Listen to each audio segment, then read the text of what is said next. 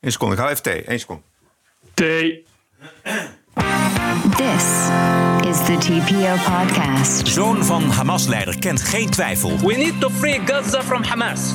This is what Israel is doing. It's doing the Palestinian people the greatest favor. Waarom grijpen burgemeesters niet in tegen pro-Hamas-leuzen? Ik denk dat het openbaar bestuur gewoon bang is voor gedonder met moslims. En Duitse Groenen zijn helemaal klaar met GroenLinks. Wir stehen hier und wir stehen zusammen. Wir stehen an der Seite Israels. Aflevering 502. Ranting and Reason. Bert Bresson, Roderick Phalo. This is the award winning TPO podcast. Goedenavond Bert. Good evening. Good evening. Maandagavond is het 23 oktober, de dag dat premier Rutte op bezoek is bij premier Netanyahu in Israël. Voor Sander van Horen van de NOS zijn er maar twee smaken. Heeft u tegen hem gezegd, dit gaat te ver? Of heeft u tegen hem gezegd, ik heb het idee dat een deel van mijn bevolking inmiddels vindt dat dit te ver gaat en dat dat deel groeit? Ik heb uit mezelf gesproken. Dat soort merk ik altijd met Bibi Netanyahu. Uh, en ik heb mijn eigen emotie laten doorklinken. Uh, en die voel ik als ik de beelden zie uit Gaza. En tegelijkertijd hebben we ook 1400 Israëli vermoord zien worden uh, op 7 oktober. Ehm, dus ik heb hier niet gezegd, je gaat te ver of je gaat niet te ver. Daar ging het de NOS natuurlijk om. Die wilden het vooral hebben over uh, uh, ja, de grondoorlog, de, de, de slachtoffers uh, ja. in de Gazastrook. Dus het is of heeft u uit uzelf gezegd dat het te erg is, of heeft u gezegd namens steeds meer Nederlanders dat het te erg is tegen Bibi? Ja, de NOS en heel veel andere journalisten willen vooral horen dat het te erg is. Ja. Is eigenlijk niet, niet meer de vraag. Alleen hoeft alleen nog een bevestiging te komen. Ja, precies. Het ook niet uh, zo informatief ook dat je bijvoorbeeld zegt van... goh, hoe dan die grondoorlog, hoe ze uh, die Hamas-terroristen te grazen denken te nemen. Dat hoort u zometeen allemaal wel in deze TPO-podcast. Maar bij RTL en bij de NOS gaat het vooral om hoe erg het allemaal is. Ja, maar dat is niet alleen bij RTL of bij de, de NOS zo. Dat is tijd overal zo. Het gaat alleen nog maar over burgerslachtoffers in Gaza. Het gaat tot twee weken lang alleen maar over de burgerslachtoffers in Gaza. Terwijl er een pogrom is gepleegd. Het is een vrij letterlijke vertaling van pogrom. De definitie in het woordenboek geeft daar ook bij uh, uitroeiing, vooral bij Joden. Daar zou denken dat daar toch nog uh, uh, heel veel informatie over is. En dat daar heel veel over moet gaan. Maar het ging eigenlijk vrijwel direct over de slachtoffers in Gaza. De slachtoffers in Gaza is toch een soort van heilig avondmaal voor de religie van, van, van links en van deugen. Als je wilt deugen, dan moet je direct op. En de slachtoffers in Palestina dan moet je roepen. Ja. Dat daar dan alle verslaggeving over gaat. Verder geen, geen informatie. Het is alleen maar de slachtoffers dan. En gaan de bombardementen stoppen. Uh, en um, komt de corridor en, en, de, ja, en de slachtoffers dan. En het is de hele tijd ook continu druk op Israël. Ja. Uh, bij RTL Nieuws hebben ze alvast besloten dat de druk op uh, of de steun aan Israël afbrokkelt. Daar hadden ze dat ook doodleuk in de kop gezet. Steun aan Israël brokkelt af. Ja. En vervolgens hele en halve activisten uit Palestijns, uh, uh, ik geloof uh, zelfs iemand van een moslimpartij, laten vertellen dat de steun aan Israël afbrokkelt. Dus weet je, ja, het is een soort, een soort wens ook. Ja. Dat, dat een beetje vaststaat. Dat, dat je niet Israël te veel moet steunen. Terwijl het toch een hoop is gebeurd. Waardoor je juist Israël wel zou moeten steunen. Ja. Nou, zo meteen uitgebreid meer. Eerst eventjes naar eigen land. D66 is seculier liberale partij af. Want op het verkiezingscongres afgelopen zaterdag in Apeldoorn heeft een meerderheid van D66 ingestemd met hoofddoekjes voor vrouwelijke politieagenten. Ho, ho, ho. Hoofddoekjes en keppeltjes. Ja, precies, ja, dat wordt Wat heel, ja. heel belangrijk is, er zijn duizenden en duizenden Joden in Nederland die staan te trappelen om met keppeltje en al te kunnen deelnemen aan de politie. Ja, ik wou het, oh nee. ik, ik wou het expres weglaten omdat het uh, toch alleen maar over die hoofddoeken gaat. Hoe kwam het allemaal? Oh ja, die Haagse uh, het raadslid Youssef Assad, geen familie van volgens mij, stelde uh, voor het programma op dit punt van D66 aan te passen. En omdat alle kroonjuwelen van de partij toch al waren weggeflikkerd ergens in een hoek. En er nog uh, eigenlijk niks anders belangrijk is dan inclusie en diversiteit, schaarde een meerderheid van de ex-liberalen zich achter de heer Assad. Mooi nou, ook dat je Assad heet dan. Goed hè. Uh, dat vinden heel veel andere D66'ers vinden dat helemaal niet leuk. Zoals uh, Kasia Ollongren en Boris van der Ham zag ik uh, vandaag op Twitter. Maar zij zijn inmiddels in de minderheid en D66 wordt gedecimeerd tot een klein partijtje van 4 à 5 zetels. Maar ja, zo kruipt de islam de instituties natuurlijk wel in, want D66 is een hele ja, partij die niet alleen vertegenwoordigd is in de Kamer, maar veel te veel vertegenwoordigd is in alle bestuurslagen in Nederland. Dus Juist. daar gaan we nog een hoop plezier van hebben, denk ik. Ik snap het wel, want ze moeten wel. Er is eigenlijk niet zoveel meer over. Dus dit komt als geroepen. Om nu te gaan roepen dat er uh, hoofddoeken en keppeltjes, niet vergeet heel belangrijk, keppeltjes. Dat en de hoofddoeken, kruisjes. En keppeltjes en kruisjes bij de politie mogen. Heeft D66 in elk geval iets. Ik vind het zo'n enorme nederlaag voor zo'n liberale, seculiere partij die zo, ja, zeg, zich altijd bewust is geweest van zijn moderniteit eigenlijk. Hè? Het, was, het was een moderne partij. Na de verzuiling kwam D66. Ja, Precies. En, en dat is nu helemaal weg. Eigenlijk is D66 nu een soort conservatieve partij geworden. Ja, exact. Een religieuze partij. Als je een religie hebt, moet je bij D66 zijn. Want D66 gaat het dan voor je opnemen. Zodat je bijvoorbeeld uh, je keppeltje en je kruisje kunt dragen. Bij je uniform. Ja. Ja. En het hoofddoekje. Maar goed, er is natuurlijk niemand die dat wil. Je hoort al jaren en jaren wordt er steen en been geklaagd door christenen en joden in Nederland. Dat ze graag bij de politie willen, maar dat niet kunnen. Omdat ze dan een keppeltje of kruisje niet kunnen dragen. En daardoor ernstig in hun emancipatie worden gehinderd. Ja. Eindelijk, eindelijk lost D66 dat voor zich op. Ja. Gingen echt stemmen, hoeraatjes op in Israël. Dwars door al het leed heen waren ze ook erg blij dat D66 het voor ze opnam. Hoofddoekmevrouw binnen D66, Fonda Sala, die plaatste onmiddellijk een foto van zichzelf in een politieauto achter het stuur. Um, zo van, kijk eens, we zijn al halverwege. Ik doe het al, ik oh. geef het goede voorbeeld. Maar goed, deze mevrouw staat op een onverkiesbare plaats... zoals bijna iedereen bij D66 inmiddels op een onverkiesbare plaats staat. Maar ja, het is wel gebeurd. Grappig detail is overigens dat de Tweede Kamer... over die politiehoofddoek heeft gestemd. In meerderheid was uh, de, kamer, de Kamer tegen onder wie alle D66-Kamerleden op één na. En er was één D66-Kamerlid afwezig, namelijk bij deze stemming. En dat was die Fonda Sala. Dus als ze, nou echt, ja, als ze echt, echt ballen had had, dan was ze gewoon, had ze gewoon tegen haar eigen partij ingestemd. Maar nee. Ze wilde natuurlijk niet voorstemmen, omdat ze uh, helemaal geen keppeltjes bij de politie wil. Ja. Alleen hoofddoeken. Ja. Um, ik zei het al, dus op deze manier kruipt dus de islam die instituties in. Ja, ik moet dan toch weer denken, daar is hij weer, aan Christopher Hitchens. Die zei, weet je, er zijn, het zijn nooit de barbaren die een stad innemen. Het zijn de leidende figuren in de stad die de poorten openzetten voor de barbaren. Juist. Barbarians never take a city till someone holds the gates open for them. And it's your own preachers who will do it for you. And your own multicultural authorities who will do it for you. Resist, resist it while you can. Het zijn inderdaad de, de, de predikers van de multiculturele samenleving die, de, die het openzetten voor deze fundamentalistische religie. Ja? Dat klopt, dat hebben we de afgelopen dagen gezien door heel Europa. Ja. Waar zelfs honderdduizend, was het Londen, ik weet het niet meer. Ja. Pro-Palestina-hangers gemarcheerd. Ik zag uh, in uh, Spanje een hotel werd belaagd. Puur en alleen omdat de eigenaar een Joodse eigenaar Echt is. Waar? Fuck it Barcelona. Wat toch wel erg deed denken aan Kristalnacht. Er was een uh, video van in Wenen waar een Israëlische vlag door uh, allochtoon uitziende jongeren uh, van een gevel werd getrokken. Ja. en het zijn allemaal mensen van binnenuit die allemaal hier zijn gekomen voor een beter leven, omdat ze de dictatuur zijn ontvlucht en daarom prediken ze nu voor de dictatuur omdat ze die zijn ontvlucht, wat een beetje uh, schizofreen is. Maar goed. Ja, ik las in een post van uh, Kleis Jager, aansluitend hierop, dat uh, bij de herdenking, de minuut stilte van de leraar die is doodgestoken in, in Frankrijk vorige week, dat de minuut stilte ongeveer 365 keer onderbroken is door jongeren met uh, bijvoorbeeld Al Akbar of andere ja.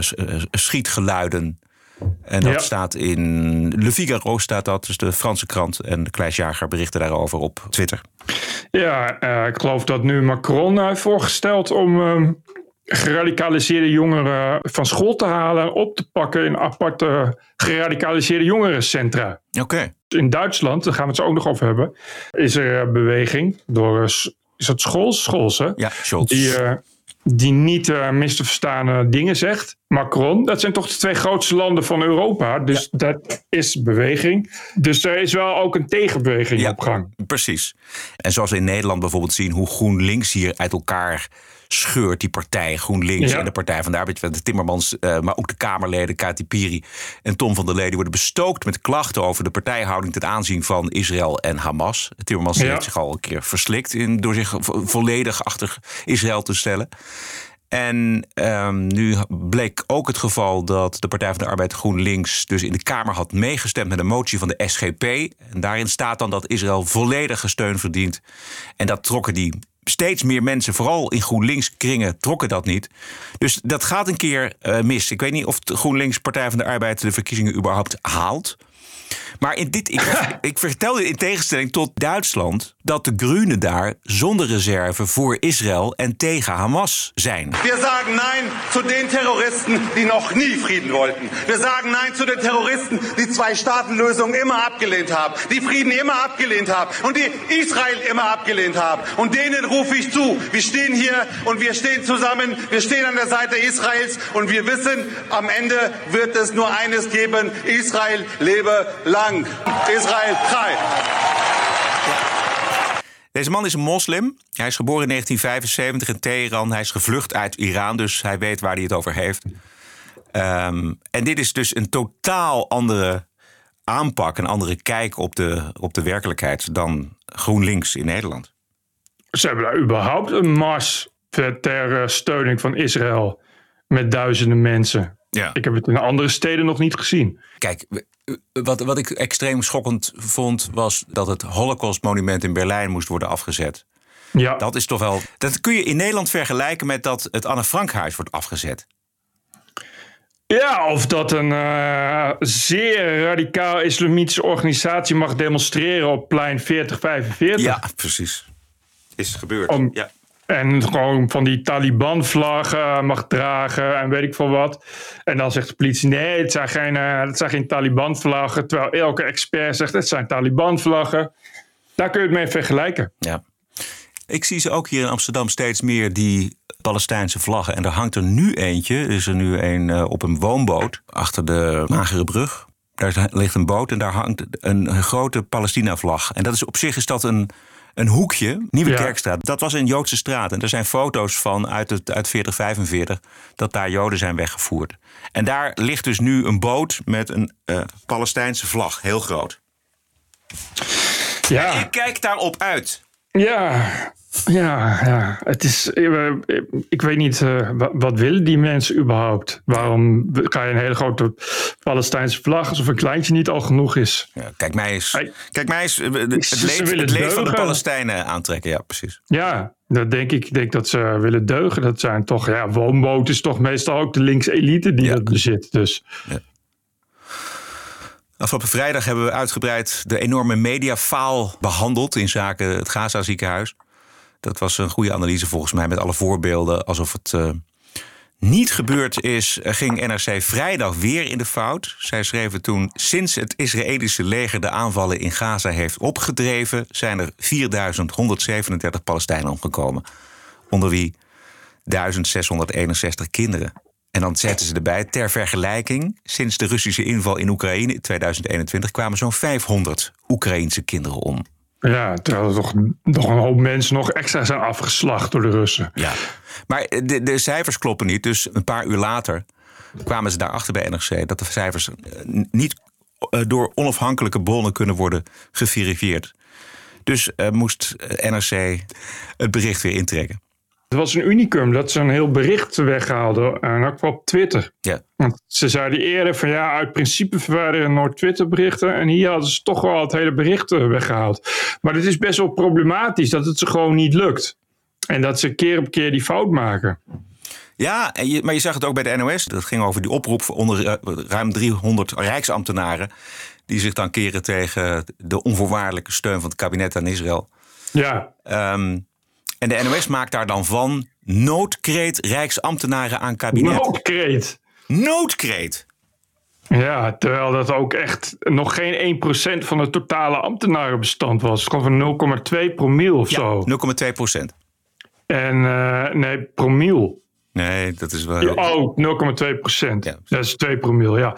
Ik zag die lijst met namen en 80 procent van die namen was allochtone naam. Ja. Dus heel veel uh, Marokkanen en Turken en Arabieren. Ja, mensen van buiten. Van buiten en 20 procent vrouwen. Maar als je dat er nou bij zegt, dan is dat al wel heel wat anders. Ja.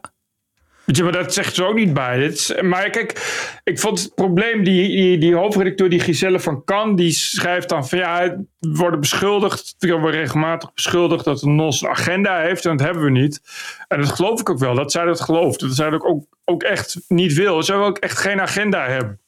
En uh, het idee van die hoofdredactie is ook om objectieve journalistiek te bedrijven. Maar het probleem ontstaat gewoon de hele tijd bij redacteuren, uh, uh, individuele redacteuren ja. die wel een agenda hebben. Ja, precies.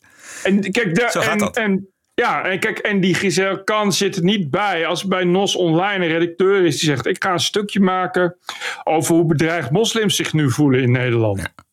Ja. Maar de reden dat daar een stukje van wordt gemaakt, is omdat diegene die dat stukje maakt wel een agenda heeft. Die vindt namelijk moslims liever dan Joden. Ja. Of niet-moslims. Ja. En dan moet er dus iemand zijn op die redactie die dan zegt van nou ja, dat gaan we niet doen. Dat kan wel, maar dan moet je ook vragen uh, hoe, die, hoe erg de Joden zich bedreigd voelen. Ja. En die zitten niet op die redactie. Ja, exact. En daar gaat het mis. Dus gaat het dat. gaat mis op het redactiebeleid. En je moet daar dan iemand tussen zetten die in de gaten houdt dat er niet de hele tijd een agenda wordt doorgevoerd. Wat dus de hele tijd gebeurt. Want het valt op dat het vooral heel veel gebeurt s'avonds en in het weekend. En dan zijn dat ineens geen redacteuren van de NOS, maar redacteuren online. Wat kennelijk een aparte functie is. En dat zijn heel veel millennials en die hebben allemaal wel een agenda. Ja. En dan moet, er nog maar, moet je nog maar hopen wat jij zegt, dat er iemand, een eindredacteur, op die redactie zit die zegt, of die durft te zeggen, nou weet je, uh, dat hebben we, voor, hebben we gisteren ook al gedaan en eergisteren ook, laten we het vandaag eventjes uh, niet hebben over de Palestijnse slachtoffers. Die is er kennelijk niet. Nee. Of die is er wel, die doet zijn werk niet goed. We hebben het vorige keer ook al gezegd. Bedoel, het zijn de Joodse scholen, de synagogen in Nederland die beschermd moeten worden. En niet, niet de moskeeën. Daar, daar gaat het mis. En het heeft te maken inderdaad met die individuele keuzes van redacteuren. Ik zag de Washington Post, die had, het, die had het over vrouwen en kinderen die detained waren, opgesloten, ingerekend detained. waren. Ja, detained door Hamas. Alsof de ontvoering een soort arrestatie is. Ja, dat, ja, ik snap niet hoe je tot die keuze komt ook. Ja, dat is. Ja, ja, ook daar, weet je, dat je denkt van er moet, had toch iemand tussen moeten zitten ja. die dan zegt van, nou ja, dat is geen, geen woord om in dit geval te gebruiken. Die mensen zijn ontvoerd. Weet je, die ja, door, gegijzeld. Door, door, een bende wilden. Niet detained door de New Yorkse politie of zo. Ja, ja. Maar daar speelt het dus hetzelfde. Dat is inderdaad, ik denk dat je daar gelijk in hebt. Dat is een hele een, een generatie millennials en daaronder. Generation Z heet dat volgens mij. Maar die hebben een hele andere attitude. Die vinden dat allemaal, die, die zijn helemaal opgegroeid met, met het slachtoffer-idee en het slachtofferverhaal. Nou ja, niet alleen die generatie, maar ik denk dat het dat ook voor een groot gedeelte bij journalisten dat niet per se bewust, maar soms ook onbewust meespeelt. Maar dan moet je dus gewoon, je moet daar dan extra kritisch in zijn. Je kan de, de, de objectiviteit van je organisatie alleen uh, vasthouden als je daar dan dus extra kritisch op bent. Ja. En ik denk dat, daar, dat het daar gewoon daar heel erg misgaat. En wat ik zo raar dan vind aan zo'n uh, hoofdredacteur van de NOS, dat zij dan niet denkt van ja, maar wacht even. De andere mensen zien dat, dus het publiek ziet dat. Dus het feit dat de NOS van partijdigheid wordt uh, beticht, dat komt ergens vandaan. En laat ik dat nou eens een keer gaan onderzoeken. Precies. Het is natuurlijk een organisatie die wat die ook doet, krijgen die uh, verwijten. Het is natuurlijk wel zo, je, je, want kijk, objectiviteit voor, voor de toeschouwer bestaat hier niet. Je bent of de pro-Palestina of de pro-Israël. Er zit niet, er is niet een middenweg dat je zegt van, oh, de NOS is precies in het midden. Weet je, dus, dus, dus het is ook moeilijk voor zo'n organisatie om dan te zeggen, ja, wat, uh, uh, wat is nou goed? Dat, dat schreef ze ook, van je krijgt dat, krijgt dat van beide kanten. En, maar ja, je, je moet daar wel extra op letten, omdat het een vak is wat gewoon uiteindelijk wordt uitgevoerd door, individue- door individuen. En daar uh, gebeurt het. En daar moet je dan dus kritisch op zijn. En ik, van, heb de indruk dat dat dus onvoldoende gebeurt. Ik zag gisteren ook bijvoorbeeld een nieuwsuur dat uh, Mos van Geen Stijl gaf het heel goed aan.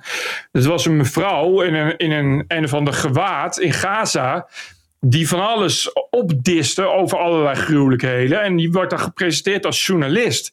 En, en dan is de vraag, hoezo is die mevrouw journalist? Weet helemaal niks van die mevrouw. Weet je, er wordt niet bijverteld wie die mevrouw is. Hoezo journalist? En als je dan nagaat wie dat is, blijkt het iemand te zijn die gewoon een Palestijns activist is met een blog. Weet je? En dat wordt dan eruit getrokken en oh, vertel jij maar hoe het is in Gaza. En het is prima, maar dan moet je er wel bij zeggen wie dat is. Uh, en terwijl het is gewoon een activist. En, en Mosset zei ook van ja, daar kun je net zo goed Constant Kustus van de, van de Nederlandse Volksunie ook een journalist noemen. Geef hem een microfoon en vraag hoe het in Nederland gaat. En hij vertelt dat het te veel, uh, te veel zwartjoekels en te veel joden in Nederland zijn. Maar daar gelooft toch ook niemand dat? Weet je, weet je en dat is dus wat er gebeurt. Precies. En ik denk dat het ook te maken heeft met, met, met druk en met snelheid. Maar als, je, als het je als hoofdredacteur aangaat, en dat geloof ik echt. Ik geloof echt dat die Giselle van Kan, dat is volgens mij helemaal niet een hele, hele linkse vrouw of zo. Weet je? Ik denk dat die mensen ook echt heel erg hun best doen. En ook echt willen dat een, in elk geval een organisatie als de NOS, dat die objectief is en geen agenda heeft. Maar dan moet je daar zelf wel echt die extra kritische laag in aanbrengen. Anders gebeurt dat de hele tijd niet. Ja, ja. ik heb een aardig onderwerp voor uh, de collega's. Namelijk de Nederlandse burgemeesters van de grote steden. Die hebben gezegd dat die pro-Palestina demonstraties prima zijn. Maar ze hebben gezegd, als er leuzen worden meegevoerd die Hamas verheerlijken, dan grijpen we in. Dat mag niet. En antisemitische uh, borden mogen ook niet in demonstraties. Nou, daar komt nog niet zoveel van terecht. En van de week was het PVV-Kamerlid Martin Bosma, daar is hij weer, die de afgelopen week daar uh, de vinger op de zere plek legde. Voorzitter, uh, de minister wijst op allerlei wetboeken en de wet openbare manifestaties. En hij wijst op driehoeken en stelt dan zelf vast: dit is zoals het werkt in Nederland. Maar mijn observatie is een hele andere. Uh, ik was uh, zondag op de Dam. Er werd geschreven One Solution. Wat erg riekt naar The Final Solution. Er werd geroepen From the river to the sea, Palestine will be free. Oftewel, Israël moet vernietigd worden. Inclusief de 6 miljoen Joden die daar uh, wonen. Er werd geroepen Leven Hamas, uh, dood aan Israël. Dit allemaal in het Arabisch, gebeurde op het beursplein. en er gebeurde verder niets. en waar, waarom gebeurt er dan niets? Nou, als we nou even kijken naar de mogelijkheid. de aandrang in Rotterdam om daar de Israëlische vlag half stok te hangen, komt de, de burgemeester van Rotterdam, meneer Abu Talib, met een hele bangige brief. En die wijst dan op, ja, dit kan, kan polarisatie betekenen. En uh, zegt hij, ja, ik ben van de, verantwoordelijk voor de recht en de orde. En daarom uh, kan het niet doorgaan. Oftewel, het staat er niet, maar het staat er wel. Hij is gewoon bang voor geweld, geweld van moslims. Dat is wat er aan de hand is in Nederland. Veel meer dan ons wetboek van strafrecht op de, of de wet openbare manifestaties. En ik denk dat dat ook in Amsterdam de reden geweest is dat burgemeester Halsema gewoon laat schreeuwen from the river to the sea. Was een zeer agressieve bijeenkomst, een zeer agressieve demonstratie. En ik denk dat het openbaar bestuur gewoon bang is voor gedonder met moslims. En wat nou een mooi onderwerp is voor het journaal is om uit te zoeken waarom dat dus niet gehandhaafd kan worden. En als dat dus niet gehandhaafd kan worden, dan betekent dat dat, dat, ja, dat die burgemeesters maar wat roepen. In de hoop dat daar ja. naar geluisterd wordt. Maar handhaven, homer. Ik denk dat dat zo is. Ik denk dat er zo'n groot personeelstekort is. En, en bedoel, het is niet dat andere dingen wel worden gehandhaafd in Nederland, nee. zal ik maar zeggen. Dus ik denk inderdaad dat, uh, dat dat een groot probleem is. Dat, op, dat de politie steeds al, meer en meer alleen nog maar richt op deescaleren. Dat er een demonstratie is pro-Palestina. Dat mensen met een Joodse vlag, die worden gesommeerd op te hoepelen. Ja. ja, waarom? Omdat het anders escaleert. En escalatie dat is een probleem, omdat je, ja, daar heb je dus inderdaad heel veel mensen voor nodig. En, en, en ik, denk, ik heb echt het idee dat handhaven steeds moeilijker is in Nederland. Ja, zeker in algemene zin. Maar in dit geval, specifieke geval, laat je dus je hoofd hangen richting een groep die met geweld dreigt. Nou, natuurlijk. Ja. Je, je laat je hoofd hangen, naar, nou, ook als ze niet met geweld dreigen, je laat je hoofd hangen naar een groep die gewoon heel goed is in zeuren en drammen. Ja. En uh, uh, al heel snel dreigt met ordeverstoringen. De demonstranten die slecht willen, die voelen dat dus. Die nemen gewoon wel, we hebben dat gezien in Den Haag. We nemen daar uh, gewoon vlaggen die verdacht veel lijken op ISIS-vlaggen. Het is natuurlijk telkens een stapje verder. Ja. En ze weten precies welke vlag ze dragen. En de inhoud van de boodschap van die vlag is gewoon dat. En je kan niet met borden staan één, één oplossing. Nee. We weten allemaal dat één oplossing een eindoplossing is. En we weten ook hoe die in de praktijk uitziet. Goed interview in het Financiële Dagblad met oud-CIA-baas eh, generaal David Petraeus. Hij heeft een uh, boek geschreven over alle oorlogen sinds 1945. Wat vond jij ervan, uh, Bert? Ja, goed interview. Petraeus is behalve ex-CIA-baas ook uh, oud-bevelhebber. Hij was bevelhebber van de hele oorlog in Afghanistan en Irak. Dus het is iemand die uh, ook echt uh, veldervaring heeft. Dus dat is het wel iemand dat als je hem leest, dat je denkt van ah, kijk, hier is tenminste iemand die ook gewoon weet waar het over gaat. Uh, als het gaat over, het ging in dit geval dus uiteraard over de Israëlische aanstaande invasie van Gaza. Ja. Uh, en dat zijn harde woorden die hij spreekt, maar wel waar. En, en je weet dat dus omdat je denkt: van dit is wel ook echt iemand die er verstand van heeft. Exact. Hij zegt onder andere dat Israël Hamas moet uitschakelen. En dat is dus die grondoorlog noodzakelijk is, maar wel ongelooflijk moeilijk. Um, wat ik ook interessant vond, dat hij zei van ja, het is, er wordt vaak een vergelijking getrokken met 1973. Maar dit is niet een existentiële dreiging voor Israël.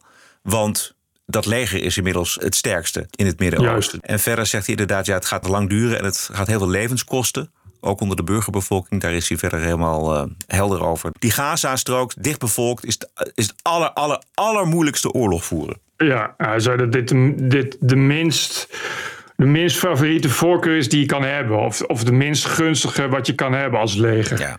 Maar hij zei ook, ik weet niet meer wat die letterlijk zei, maar over Hamas, dat Hamas wel uitgeroeid moest worden. Ja. Dus dat hij ook volledig achter die oorlog staat en achter die invasie staat. Dat je Hamas niet.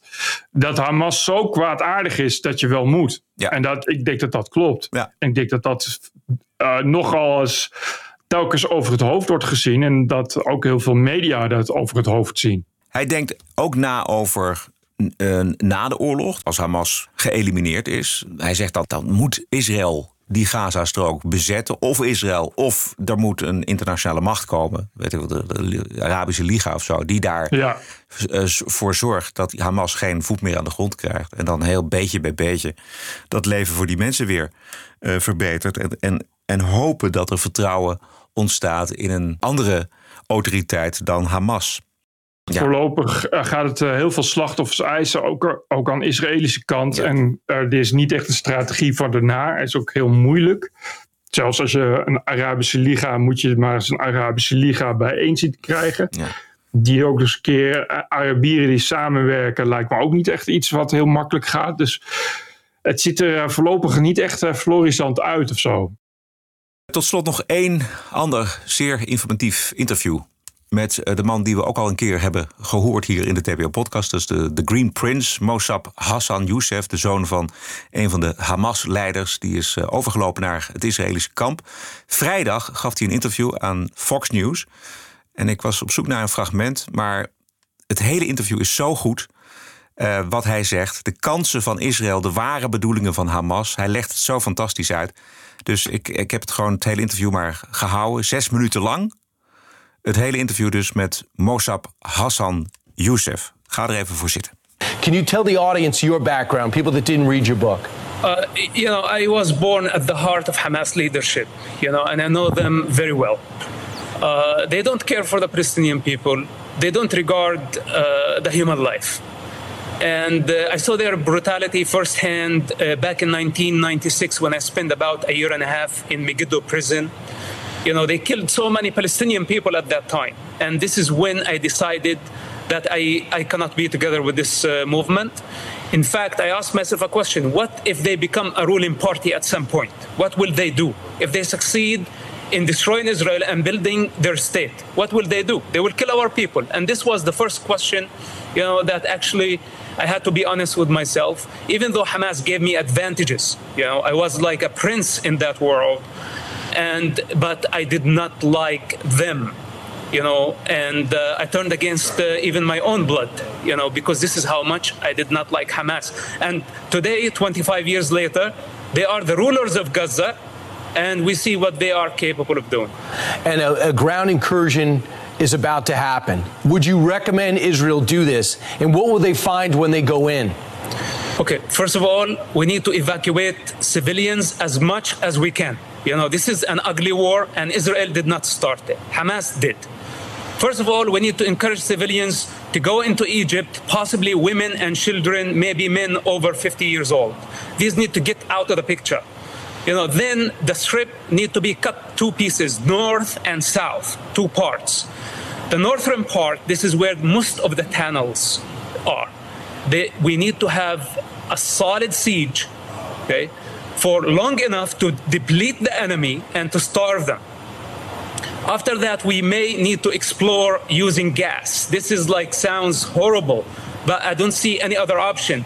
The tunnels are interconnected, and gas could be one of the solutions, but this has to be in the right time.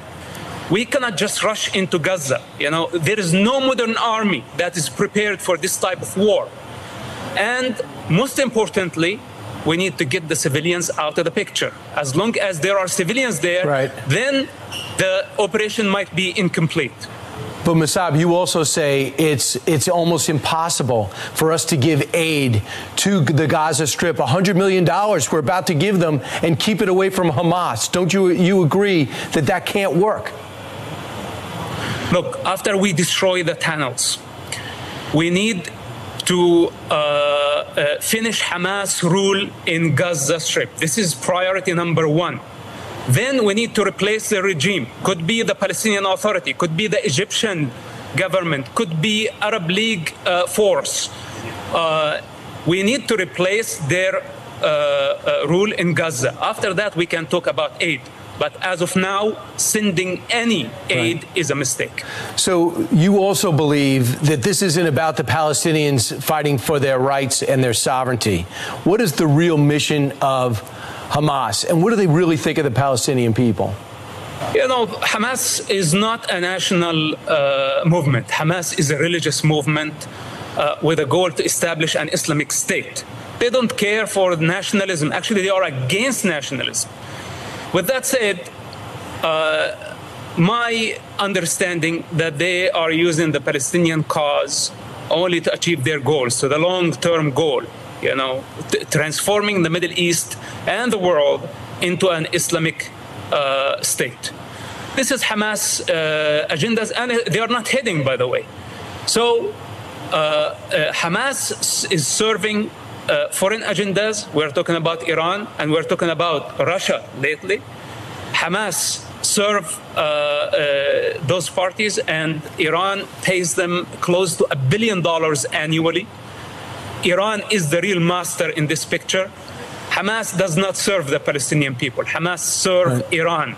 Those are the masters of Hamas. So uh, their lie about nationalism, that they are a national movement and they care for the Palestinian people, look at them. They are using Palestinian people as a human shield. We need to free Gaza from Hamas. This is what Israel is doing. It's doing the Palestinian people the greatest favor by uh, uh, uh, uh, bringing Hamas down. Then the Palestinian people, they just want to live a normal life. They don't want missiles in the most populated area on earth to be launched from under hospitals, from crowded areas, uh, and going suicidal uh, and endangering the life of the entire population of Gaza. Who does that? You've gotta be insane to do such an operation. Right. Uh, Masab, now, quick exit question. Around the globe, and even in our capital, people are protesting for Hamas. Uh, they're saying for, for the Israel to back off and stop with the airstrikes. Well, what do you say to those protesters? What is ab- about their mindset? Okay, l- listen, I, I cannot convince uh, the, the entire world of truth. Right now, uh, people are emotional. They hate to see children dying. Even though, you know, Hamas is killing the people at the hospital and we have evidence of that, but they still blame Israel. People can blame whoever they want, you know, but now we have to concentrate. We have to focus. Public opinion is very important, but unfortunately, it's not Uh, the time to win the public opinion. It's the time to win the war against the most brutal terrorist organization living today. You know, and later on, when people look back at the situation, they will understand what we were doing. We should not be afraid Right. of the public opinion. We have to explain as much as we can. And you're you know, doing but that. now we have to concentrate uh, on our goals. And Musab, that's why your perspective is so vital and you're unique. Uh, you, you grew up in the Hamas family, you broke from it, and now you're speaking to stop it. Musab Hassan Youssef, thanks so much for what you're doing. Appreciate it. Thank you, Brian. Ja, wijze woorden. Ongelooflijk, hè? Hij weet het. Dit is zo belangrijk. Eh, hij heeft ook een boek geschreven. Hij is in het Nederlands eh, verkrijgbaar. Zoon van Hamas. Deze man weet alles van die organisatie. Zijn vader is een van de leidende figuren daar in Hamas. En Dus hij weet, hij weet hoe het werkt. Hij weet hoe het is. Hij kent Gaza. En het is een schat aan informatie. Die heel belangrijk is om te begrijpen wat daar gaande is. En wat hij zegt, eh, dat Hamas eh, is, helemaal niet, is helemaal geen nationalistische beweging. Hamas interesseert dat gewoon helemaal niet. Het enige wat ze willen is een islamitische staat. Het is gewoon dus inderdaad ISIS. En dat is waar het over heeft. Maar hij zegt raketten vanuit ziekenhuizen en mensen als menselijk schuld, eh, schild gebruiken. Eh, wie doet dat? Dat kan alleen als je insane bent. En dit is dus insane, weet je. En het- natuurlijk vallen de burgerslachtoffers. Maar dat is wel aan Hamas te wijten. En uitroeien van Hamas is wel ter verbetering van het leven van Palestijnen. Dat hoor je te weinig. Het is veel te veel wordt het gezien als Israël als een soort onderdrukker. Ja, onderdrukker. De onderdrukker is Hamas, niet Israël. Precies. Hoeveel reportages hebben we daarover gelezen de afgelopen jaren? Over het terreurbewind van Hamas in de Gazastrook. Exact. Daar zijn mensen geëxecuteerd. Er is geen rule of law, er is helemaal niks. Het is gewoon een terreurbewind daar. Daar hebben we helemaal niks over gelezen. Die helemaal niets geven om mensenlevens. Die helemaal echt niets geven om Palestijnse levens. Dat is waar het om gaat. Eh Israëli's geven daar een stuk meer om dan Hamas in elk geval. Ja. En inderdaad, wat hij zegt, Hamas interesseert die Palestijnse staat helemaal niets. Het is, een, het is een religieuze organisatie. Het gaat hen om, om veel meer, om het Midden-Oosten, om de wereld, om het gevecht tegen het Westen, tegen de christenen, tegen, de, tegen het Jodendom. Daar gaat het hen om. Die Palestijnse staat zal ze gestolen worden. Ja, het gaat om het uitroeien van Joden. Ja. En om het vestigen van, een- van, van een kalifaat. Ja.